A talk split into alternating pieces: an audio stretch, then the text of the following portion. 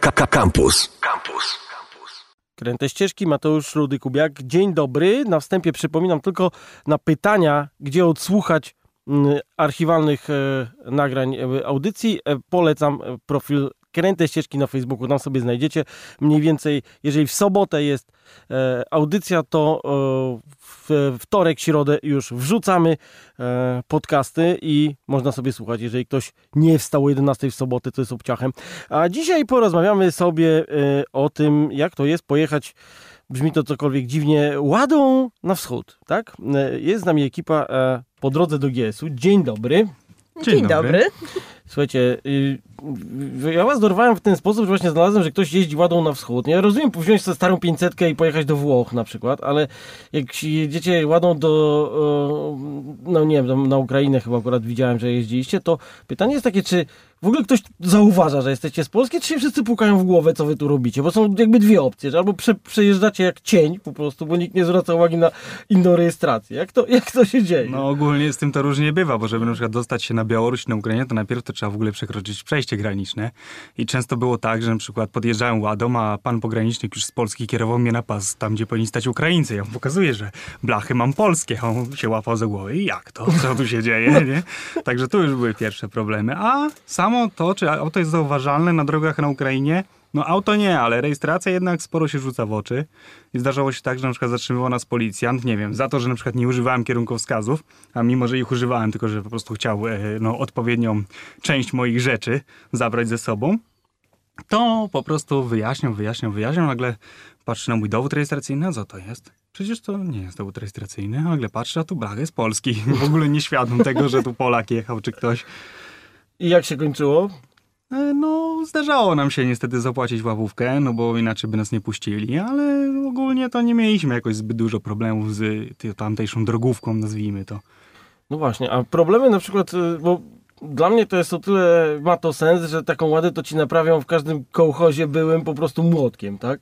No właśnie o to chodzi, dlatego zakupiłem Ładę właśnie ze względu na to, że podróże głównie odbywamy na wschód i wydawało mi się, że Łada będzie po prostu takim najbardziej odpowiednim samochodem i takim powiedzmy komfortowym, trochę za dużo powiedziane, ale generalnie komfortowym, w miarę No. ekonomicznym, no i właśnie łatwym w naprawie. No i tak No też jeszcze było, no. chyba odpowiednim na ukraińskie drogi, generalnie, które od, odbiegają nieco od naszych. Nasze tak z 20-30 lat temu jeszcze takie same były, ale teraz już jest trochę lepiej. Czy to są dwie kategorie? Czy podróżujemy do Kijowa i do Odessy, bo te główne międzymiastowe Nie, no tam nie, nie są jest- najgorsze, ale odjechać od nich to już trzeba mieć to wysoki pięć- profil opony, najlepiej felgę stalową i wysokie zawieszenie. Tak, y, bardzo mi się podobało hasło, że po czym poznać pijanego na Ukrainie, że jedzie prosto. Tak, tak, tak, i ładuje się we wszystkie dziury. Tak. tak. No niestety drogi powiatowe tam są straszne. Ja na przykład przed jedną z wycieczek zrobiłem sobie tam praktycznie całe zawieszenie nowe, wszystkie drążki, a po powrocie po miesiącu z Ukrainy niestety musiałem pojechać na to samo. Ale I głupi jeszcze pomysł. raz robić, no. No to ja ci powiem, co ja zrobiłem. Ja pojechałem, mm, coś tam zrobiłem w zawieszeniu, Volkswagena busa miałem wtedy. Pojechałem do mojego mechanika, który wyłazi spod tego i mówi, słuchaj, są takie gumy, ty masz na nie gwarancję, ale tych gum nie ma już, gdzie ty byłeś? Offroad, stary, bo to się nie zdarza po prostu. No, także, także wyobraźcie sobie, jak to musi wyglądać. Tak, tak. No ja i drążki miałem pogięte, i tłumy gięte, i miskę olejową, i alufelgi połamane. Już przerabialiśmy wszystko na Ukrainie, no i w sumie nadal chcemy tam jeździć. O dziwo. No dobra, to gdzie, gdzie jeździliście? Jakie tam destynacje? Czy pojechaliście, nie wiem, do jakiejś fabryki, łady, zrobić sobie zdjęcie? To znaczy, no w sumie pod fabryką byliśmy, ale akurat w Zaporożu, tam gdzie produkują Zaporożca, to, to prawda. Byliśmy też w Kremieńczuku, pod fabryką Kraza. Ogólnie zwiedziliśmy, no praktycznie całą Ukrainę zjeździliśmy, łącznie jeszcze dawniej z obwodami donieckimi, ługańskimi, gdzie teraz trwają te działania wojenne, czy na przykład z całym Krymem, który żeśmy też objeździli. I no Łada powiem szczerze, spisała się. Mieliśmy parę awarii, na przykład taki coś, e, drobnostka, że zerwał się rozrząd, ale to akurat e, tam jest bezkio- bezkolizyjny, więc nie było strat w silniku. Pan, e, który stał, że tak powiem, na takim zjeździe przy jeziorku, trochę nam pomógł, zostawił rodzinę, swoim golfem nas scholował do miejscowości obok, pod sklepem popytał się, kto by nam tutaj pomógł, czy mają jakiś pasek. No wyszło dwóch takich jegomości z papieroskiem, trochę zawianych generalnie, ale stwierdzili, że to zrobią. No i za odpowiednik E, 140 zł? 140 zł i polskiego piwa. Zrobili nam to od ręki chyba, w, nie wiem, no w dwie godzinki. Także Kompletny remont silnika z Tak, rozbieraniem, z pojechaniem dość. po pasek. Słuchajcie, po prostu podstawa to się umieć dogadać. A jak wiadomo, w takich miejscach pod sklepem są wielkie przyjaźnie można zawrzeć. Tak, powiedzieli, że jak będziemy wracać, to żebyśmy koniecznie do nich zajechali i powiedzieli, czy dobrze jeździ. Śmiechem, żartem, Łada wtedy jeździła jak nigdy. To była taka rakieta, którą rozpędzaliśmy się do 170, 170 km na godzinę. I wcale nie z górki.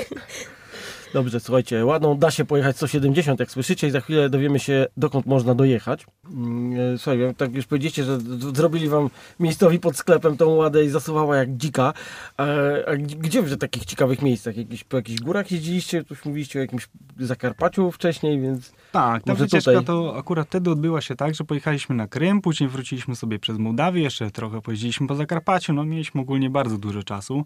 No i Zakarpacie, no to no, wspominamy bardzo dobrze, bo widoki są piękne, naprawdę te wsie są takie jak, nie wiem, sprzed 60 czy sprzed 70 lat, ciężko się do nich dostać, a no drogi w obwodzie zakarpackim, no to jest taka perełka Ukrainy, tam już gorzej chyba być nie może po prostu. I polecam, może nie to, że czołg, ale co najmniej jakąś dobrą radziecką ciężarówkę, żeby tam przejechać. Ja pamiętam gdzieś, to jeszcze nie Zakarpacie, ale trochę wcześniej, pamiętam, że drogę, która miała 20 km, podwoził nas facet samochodem, nie wiem, półtorej godziny, czy, czy coś takiego jechaliśmy. No najgorszą drogę, no co prawda nie ładą, ale właśnie wtedy rowerem to pokonywałem ok 8 km przez Przemęcz, pokonywałem cały dzień. Dosłownie. I generalnie droga to był potok. A, zaznaczona jako droga wojewódzka na mapie, normalnie. Tylko się zmyła.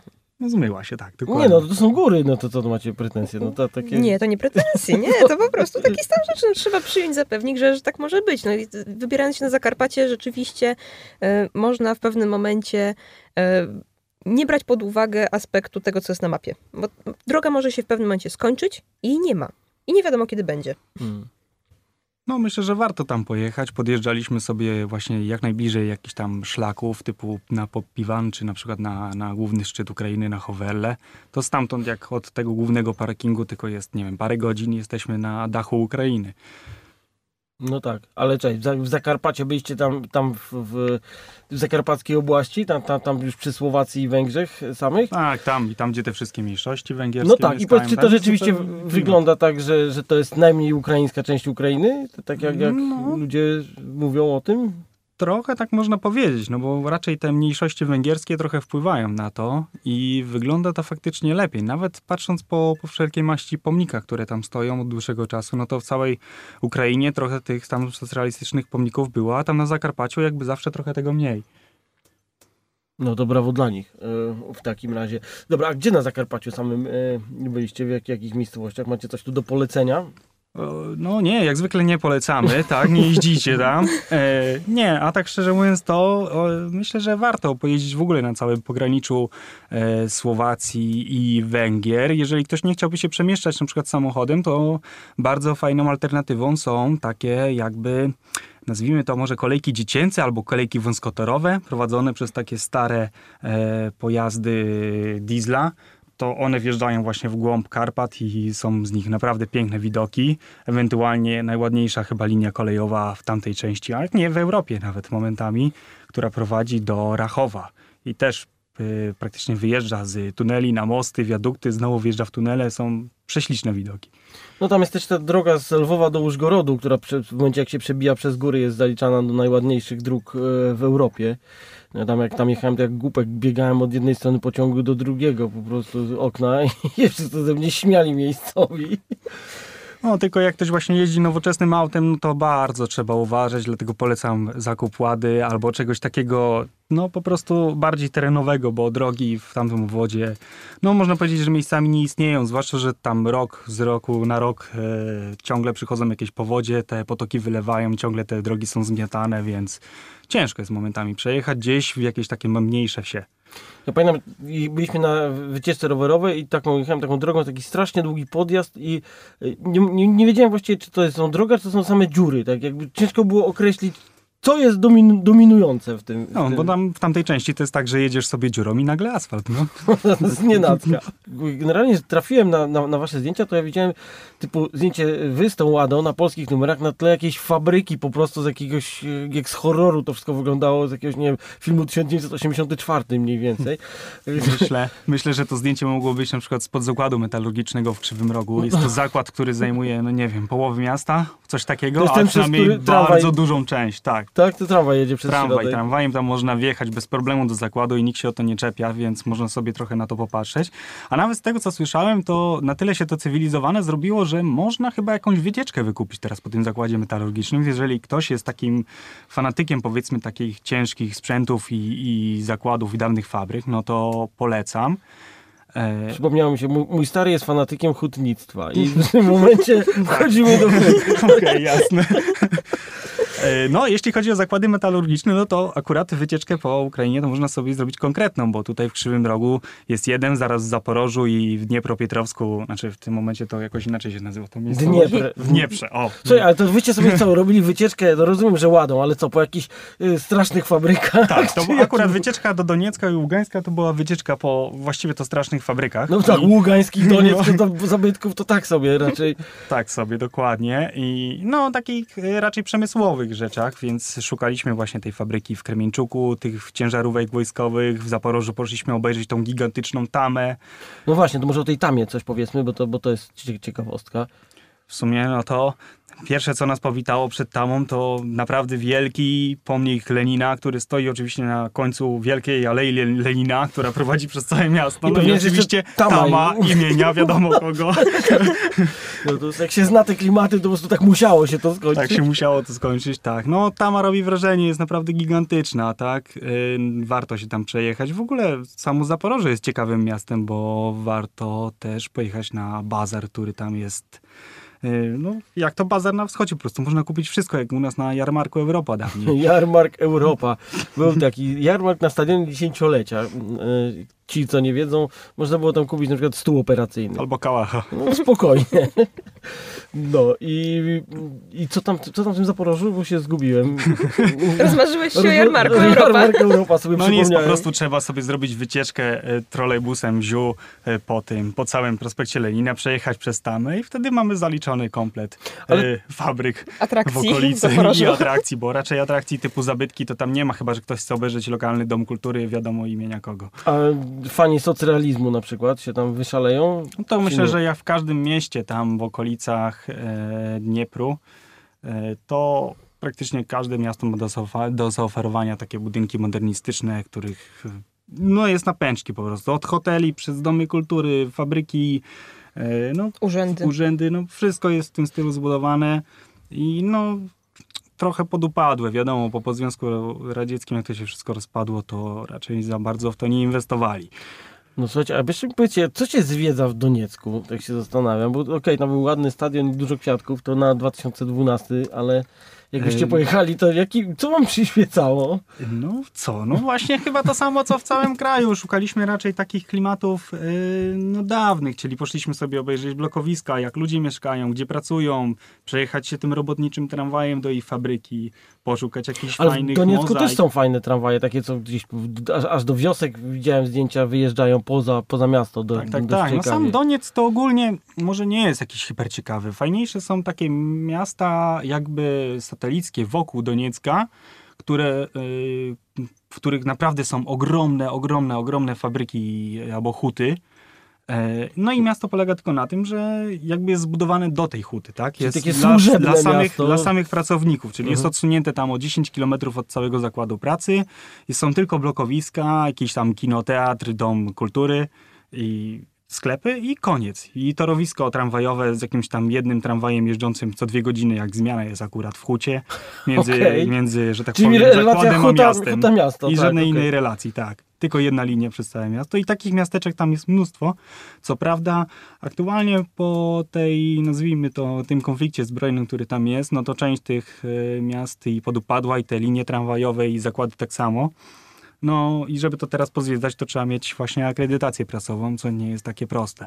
Słuchajcie, ale gadamy ciągle o jakichś zakładach olbrzymich, metalurgicznych. Może widzicie coś, coś fajnego pod rodzeniem na plaży byliście? Czy... No to myślę, że jak już was wytrzęsło na tych ukraińskich drogach i trochę poczuliście to w kręgosłupie, to warto zapuścić się na samo pogranicze z Mołdawią e, nad morze. Tam są takie kurorty dawne, poradzieckie, w których e, bardzo dużo jeszcze funkcjonuje sanatorii, tylko że no takich sanatorii no takich może trochę strasznych dla tych wszystkich zakładów fabrycznych. I Ale co, czyli to tak u nas, że y, Śląsk ma swoje senatorium, nie wiem, w, gdzieś y, w Łebie na przykład. Na przykład, tak? No to właśnie na takiej do zasadzie działa, tylko że no, ciężko jest tam się w ogóle dostać do tego, bo albo są właśnie półkolonie, albo zakłady pracy i często nie mają wolnych pokoi, ale jak się popróbuje, to da radę. No jest właśnie taka jedna miejscowość, Sergiwka, w których, y, która jest taka naprawdę sanatoryjna, jest nad zalewem, przechodzi się przez taki zalew, przez kosę i się do, dociera nad morze. To jest taki powiedzmy dwa kilometry piechotą, nie? Nad morzem. Ale jest też alternatywa. Jest też alternatywa, że można pojechać takim starym radzieckim autobusem z, z sanatorium, który tam oczywiście dowoży Aha, kuracjuszy. czyli taki w ogóle jeszcze No. totalny socjalizm. Tak, tak, Tak? zdecydowanie. Jest plac zabaw, taka skaska, gdzie są ogromne postacie z jakichś bajek, gdzie jakbyś tam wszedł w nocy, no to nie wiem, czy byś, czy byś dał radę przeżyć. Generalnie naszemu dziecku bardzo się to podobało. O nie, słuchaj, to jest dla dzieci, a nie dla ciebie. To, to, to właśnie, jeżeli target y, jest zadowolony, to, to niech tak zostanie. Jeśli ktoś nie chce sanatorii, to może na przykład pojechać do ukraińskiej Wenecji wypocząć. Jest to ciekawa miejscowość, właśnie też bardzo blisko e, delty Dunaju, same pogranicze z Mołdawią i Rumunią. No, dlaczego Wenecja? Bo miasteczko, miasteczko, no, nazwijmy to miasteczko, może bardziej wieś, czyli takie drewniane chatki są położone nad samymi kanałami, które przecinają po prostu, nie wiem, jakby robiły taką siatkę wzdłuż tych domów. Każdy dom jest praktycznie jakby na, na osobnej wyspie. I chodzi się po takich drewnianych kładkach. Każda kładka to jest tam jedna albo e- ewentualnie maksymalnie dwie deski, nic więcej, więc no my trochę się baliśmy miejscami, bo te deseczki w stanie są też średnim, a ludzie tam normalnie z taczkami na rowerach jeżdżą skuterami po tym. Mówię, kurczę, można jechać skuterem po takiej małej desce? Można jechać. No i co ciekawe, że niektórzy nadal korzystają z łódek. No właśnie, jak to, jak to wygląda? Czy tam, y, bo na takim Polesiu to łódka była zawsze takim po prostu bardziej niż wóz czy samochód potem, a tutaj w tych kanałach y, jak, to znaczy jak to tam samochodem nie da rady dojechać, więc jeżeli chciałbyś wyremontować sobie dom, to musisz wszystko przywieźć jakąś taką małą barką bądź łódką. Inaczej się nie da. Tak, A- i ludzie rzeczywiście z tego korzystają. Przy niektórych domkach po, poparkowane jedne mm, drewniane, stare łodzie, a co po niektórzy sobie jakąś małą motoróweczkę, może nie to, że nowoczesną, to, to nadal jest Takiego ma- mała, pyr, tak, pyr, pyr. mały pyrkotek, który sobie tam turla się do, do cywilizacji, ale jak najbardziej też były w użyciu. E, przy czym niestety bardzo dużo domów opuszczonych, zgniłych, zapuszczonych. E, No bo bardzo duża wilgoć też tam jest na miejscu, ale na przykład niektórzy porobili sobie garaże na motorówki, to też tak fajnie O, wygląda. Tak, i garaż w wpływają. wodzie, tak? tak, tak. garaż w wodzie. wpływają sobie do, do garażu, więc e, na pewno okolica, która się bardzo wyludnia, ale tak z punktu widzenia turysty, który tam wchodzi i może sobie pochodzić w ciszy, w spokoju, e, po, po prostu pochodzić z jednej strony między domami, a z drugiej strony wszędzie jest zielono. To, to No tak, bo jak ja widziałem zdjęcia, tam to rzeczywiście tam jest taka bujna przyroda, e, w, Tak. wygląda przynajmniej. A to, to, jest, to jest właściwie przy ujściu Dunaju do Morza Czarnego. Byliście Tak, tak, tam tak, tak. na tym ujściu? Jak, jak, to, jak to wygląda? No można zaobserwować różne tam ptactwo, pelikany jakieś nawet latają. Pelikany, pięknie. Tak. No dobrze. I słuchajcie, a jak tam się dojeżdża w ogóle? Bo ja tak po- kiedyś patrzyłem na mapę, to ja miałem wrażenie, że to jakiś po prostu totalny offroad tam, tam dwa- jest. No i właśnie Mieliśmy zadałeś trudne pytanie. Wracamy do tematu ukraińskich dróg. Tak, mieliśmy dwa podejścia. Za pierwszym podejściem mieliśmy do pokonania chyba 150 km i stwierdziliśmy, a nie, jest godzina 14, to jeszcze spokojnie zdążymy Wilkowe dzisiaj obejrzeć. No, to 150 km nas pokonało. Po prostu musieliśmy zawrócić, bo moja łada nie dawała rady. Były takie kolejne, jakby, nie wiem, porobione po jakichś gigantycznych ciężarówkach kopalnianych i bałem się, że jak wpadnę w taką kolejnę, no to będziemy musieli, nie wiem, no, po traktor to nawet nie ma gdzie iść, bo tam żadnej wiochy po drodze nie było, więc nawet nie wiem, co trzeba byłoby zrobić w takiej sytuacji. Ale co to było? Na mapie macie drogę i lecicie, a to się okazuje, że to jest polna droga z dziurami? Nie, To po nie polu by się po jechało polu by lepiej. się jechało. Aha, okej. Bo Nawet czasem jest... jest- tak, że, że jak masz dziurawą drogę na Ukrainie, to zjeżdżasz na prawo na pole i po czymś polu jest wytyczona taka droga szutrowa, po której się jeździ Która jest równa. Tak, jest równa, tak. Mi się tak- 60-70 na godzinę, przy czym po drodze normalnej jechałbyś, nie wiem, ze 3. Pieszo Dobrze. byłoby szybciej. Słuchajcie, y, przestajemy narzekać na nasze drogi i już nigdy złego słowa o nich nie powiemy. Jesteśmy ładą na wybrzeżu, mm, w okolicach Odessy tym razem y, i tam jest w ogóle tak do- dość ciekawie, bo y, jak się na mapę patrzy, to widać, że tam są ciągle jakieś a to zalewy, nie wiem, czy tam są rzeki, czy coś, w każdym razie taka, powiem, rozbudowana gospodarka wodna w tamtych, w tamtych okolicach. No ogólnie, jeżeli ktoś jest w Odessie i szukałby trochę spokoju, no to na pewno w samym mieście go nie znajdzie, więc trzeba wyjechać albo pociągiem, no albo tak jak my właśnie ładą gdzieś tam dalej. I, i przyjechać za miejscowość Zatoka, bo w miejscowości Zatoka też się nie znajdzie Zdecydowanie, ale na przykład za miejscowością Zatoka z 15-20 km jest wspaniałe miejsce, gdzie zaczynają się piękne takie klify skalne i są wydrążone w nich takie jakby schody, że można zejść sobie na plażę i no my tam jeździmy praktycznie może nie co roku, ale bardzo często. E, I to jest taka nasza stała miejscówka pod namiot, gdzie po prostu mamy święty spokój, nie ma tam w ogóle ludzi. Możemy zostawić na, na górze, na klifie samochód z, z namiotem i nie martwić się o to, że ktoś tam nam przyjdzie i To zajrzy. może słów kilka o spaniu na dziko na Ukrainie, jak to wygląda. No, w sumie na tych klifach mieliśmy jedną fajną przygodę, bo gdy zaczął się cały ten konflikt zbrojny na, na Ukrainie, to właśnie wtedy żeśmy sobie jeździli po tym kraju i nocowaliśmy w różnych miejscach. No i rano wstajemy, patrzymy, idzie żo- żołnierz pierwszy z takim wielkim baniakiem wody, z bronią przewieszoną przez ramię. No ale przeszedł, kiwnął głową, poszedł, no okej, ale idzie drugi, trzeci, no i kurde, co tu się dzieje, nie? Pytamy się gościa, a on mówi, a co wy tu robicie? Was tu nie powinno być. Mówi, no co robimy? No odpoczywamy, nie?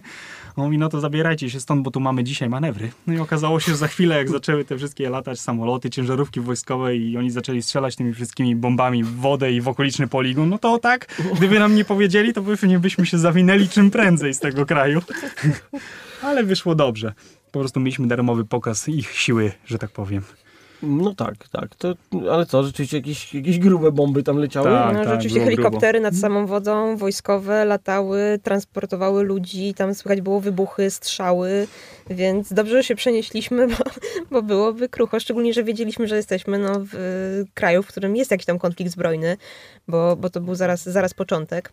Znaczy już po aneksji Krymu, więc, więc tutaj no wiedzieliśmy na czym stoimy, więc byśmy czym prędzej w stronę Mołdawii uciekali, byle tylko się, się wyrwać, ale, ale na szczęście wszystko przebiegło spokojnie.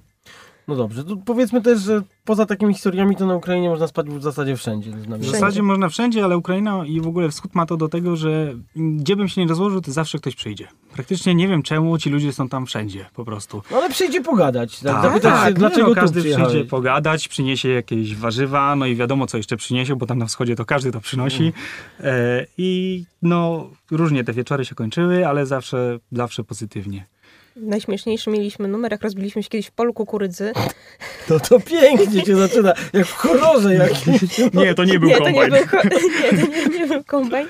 Ro, rozbiliśmy się, już się rozładowaliśmy. E, Dziecko wypuszczone biegiem, e, tam gania sobie dookoła i przyjechali państwo starsi e, na żubrze. jakimś takim żubrze typu traktor, taki Traktor, czyli sie, siedzisko i silnik. No. I do tego mała przyczepka. No i popatrzyli, no jak to dziecko w namiocie? Chodźcie, chodźcie do nas do izby, mamy kozę, Mamy nadoimy, mleko. nadoimy mleka, ugrzejemy, ma, mamy, mamy małe sabaczątko, dziecko pogłaszcze pieska, usiądziemy, napijemy się. A, a my już z kolacją gotowaną.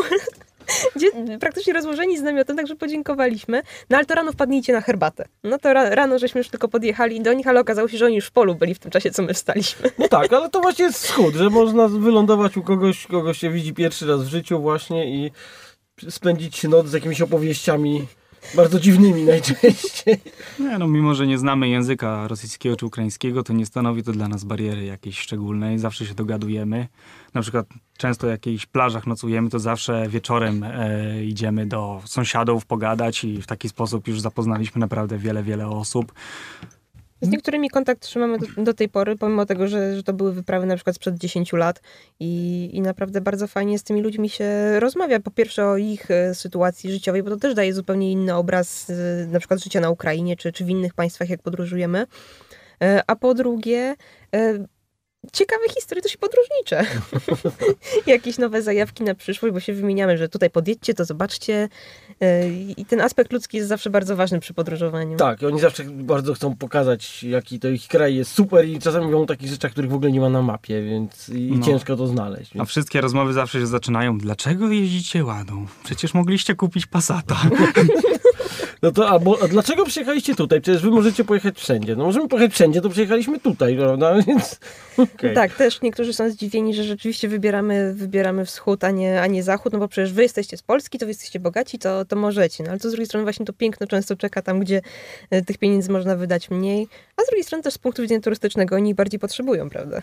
No właśnie, więc e, same plusy w tym przypadku. Pewnie. Dobra, czyli co, słuchajcie, wyście właściwie całą Ukrainę zjeździli tą ładą, e, tak jak, jak, jak patrzę, bo tutaj naokoło, tu wszędzie niemalże, tutaj chyba góry północy, przy granicy z Białorusią byliście, czy nie? No, byliśmy, byliśmy. Niestety po lesie tutaj samo, powiedzmy to, może nie Czarnobyl i te okolice, ale tutaj od granicy, gdzie jest Switasz i ten cały park narodowy ichniejszy, no to na ładę się no, średnio nadaje. Bardziej bym polecał rower albo furmankę, przynajmniej jak miejscowi, bo wszędzie jest bruk i to bruk taki no, bardzo zaniedbany, że przydałby się naprawdę wysoko zawieszony samochód, ale klimat jest niesamowity, bo domki jak naprawdę sprzed kilkudziesięciu lat, babuszki, które chciały mi sprzedać żonę, jak jeszcze wtedy nie miałem, na zasadzie z furmanką oddaję. To, to świetny deal, żona z furmanką. Biorę w ciemno, tak? No dobrze, to mm, właśnie też jeszcze z żoną, to może błąd jest. Dobrze, słuchajcie, no to te, powiedzmy, że tutaj musimy kończyć powoli o tym waszym e, profilu e, po drodze do GS-u. Jak to wygląda, co tam, co tam można zobaczyć, jaka jest filozofia. No ogólnie, jeśli chodzi o profil, to z Ukrainy samej wrzucamy bardzo dużo zdjęć ze wszystkich podróży, nie tylko związanych z ładą, ale wszystkich budynków, mozaik, właśnie tych fabryk, e, No, właśnie tam u was te fabryki zobaczyłem, przede wszystkim dość przerażające. No a jeśli chodzi o zdjęcia, w ogóle wrzucamy z bloku wschodniego, czy z Bułgarii, czy z Bałkan dużo zdjęć. Z Polski nawiązują one głównie do okresu PRL-u. Y, Jest też sporo starej motoryzacji, jakichś takich smaczków typu, nie wiem, e, dziwne balustrady z dawnych prefabrykatów. Takie Trochę inne spojrzenie na to, co zostało po minionym ustroju. Ba- Bardzo dobrze na koniec. Dobra, jeszcze raz, jak ten profil się do, dokładnie nazywa? Po drodze do GS-u. Na Facebooku, czy gdzieś jeszcze go Tylko macie? Facebook, troszeczkę Instagram, ale tam dopiero się rozkręcamy. Dobrze, to rozkręcajcie się, życzymy rozkręcania się jak najbardziej. E, Gośćmi byli, Michał? I Paulina Zaręba. Tak, a to były Kręte Ścieżki. Przy okazji Instagrama zapraszam na swój Instagram, smutny i nudny, tam są z kolei moje e, różne e, zdjęcia z wycieczek. E, Do usłyszenia w kolejną sobotę. Pa! Słuchaj Radio Campus, gdziekolwiek jesteś. Wejdź na www.radiocampus.fm.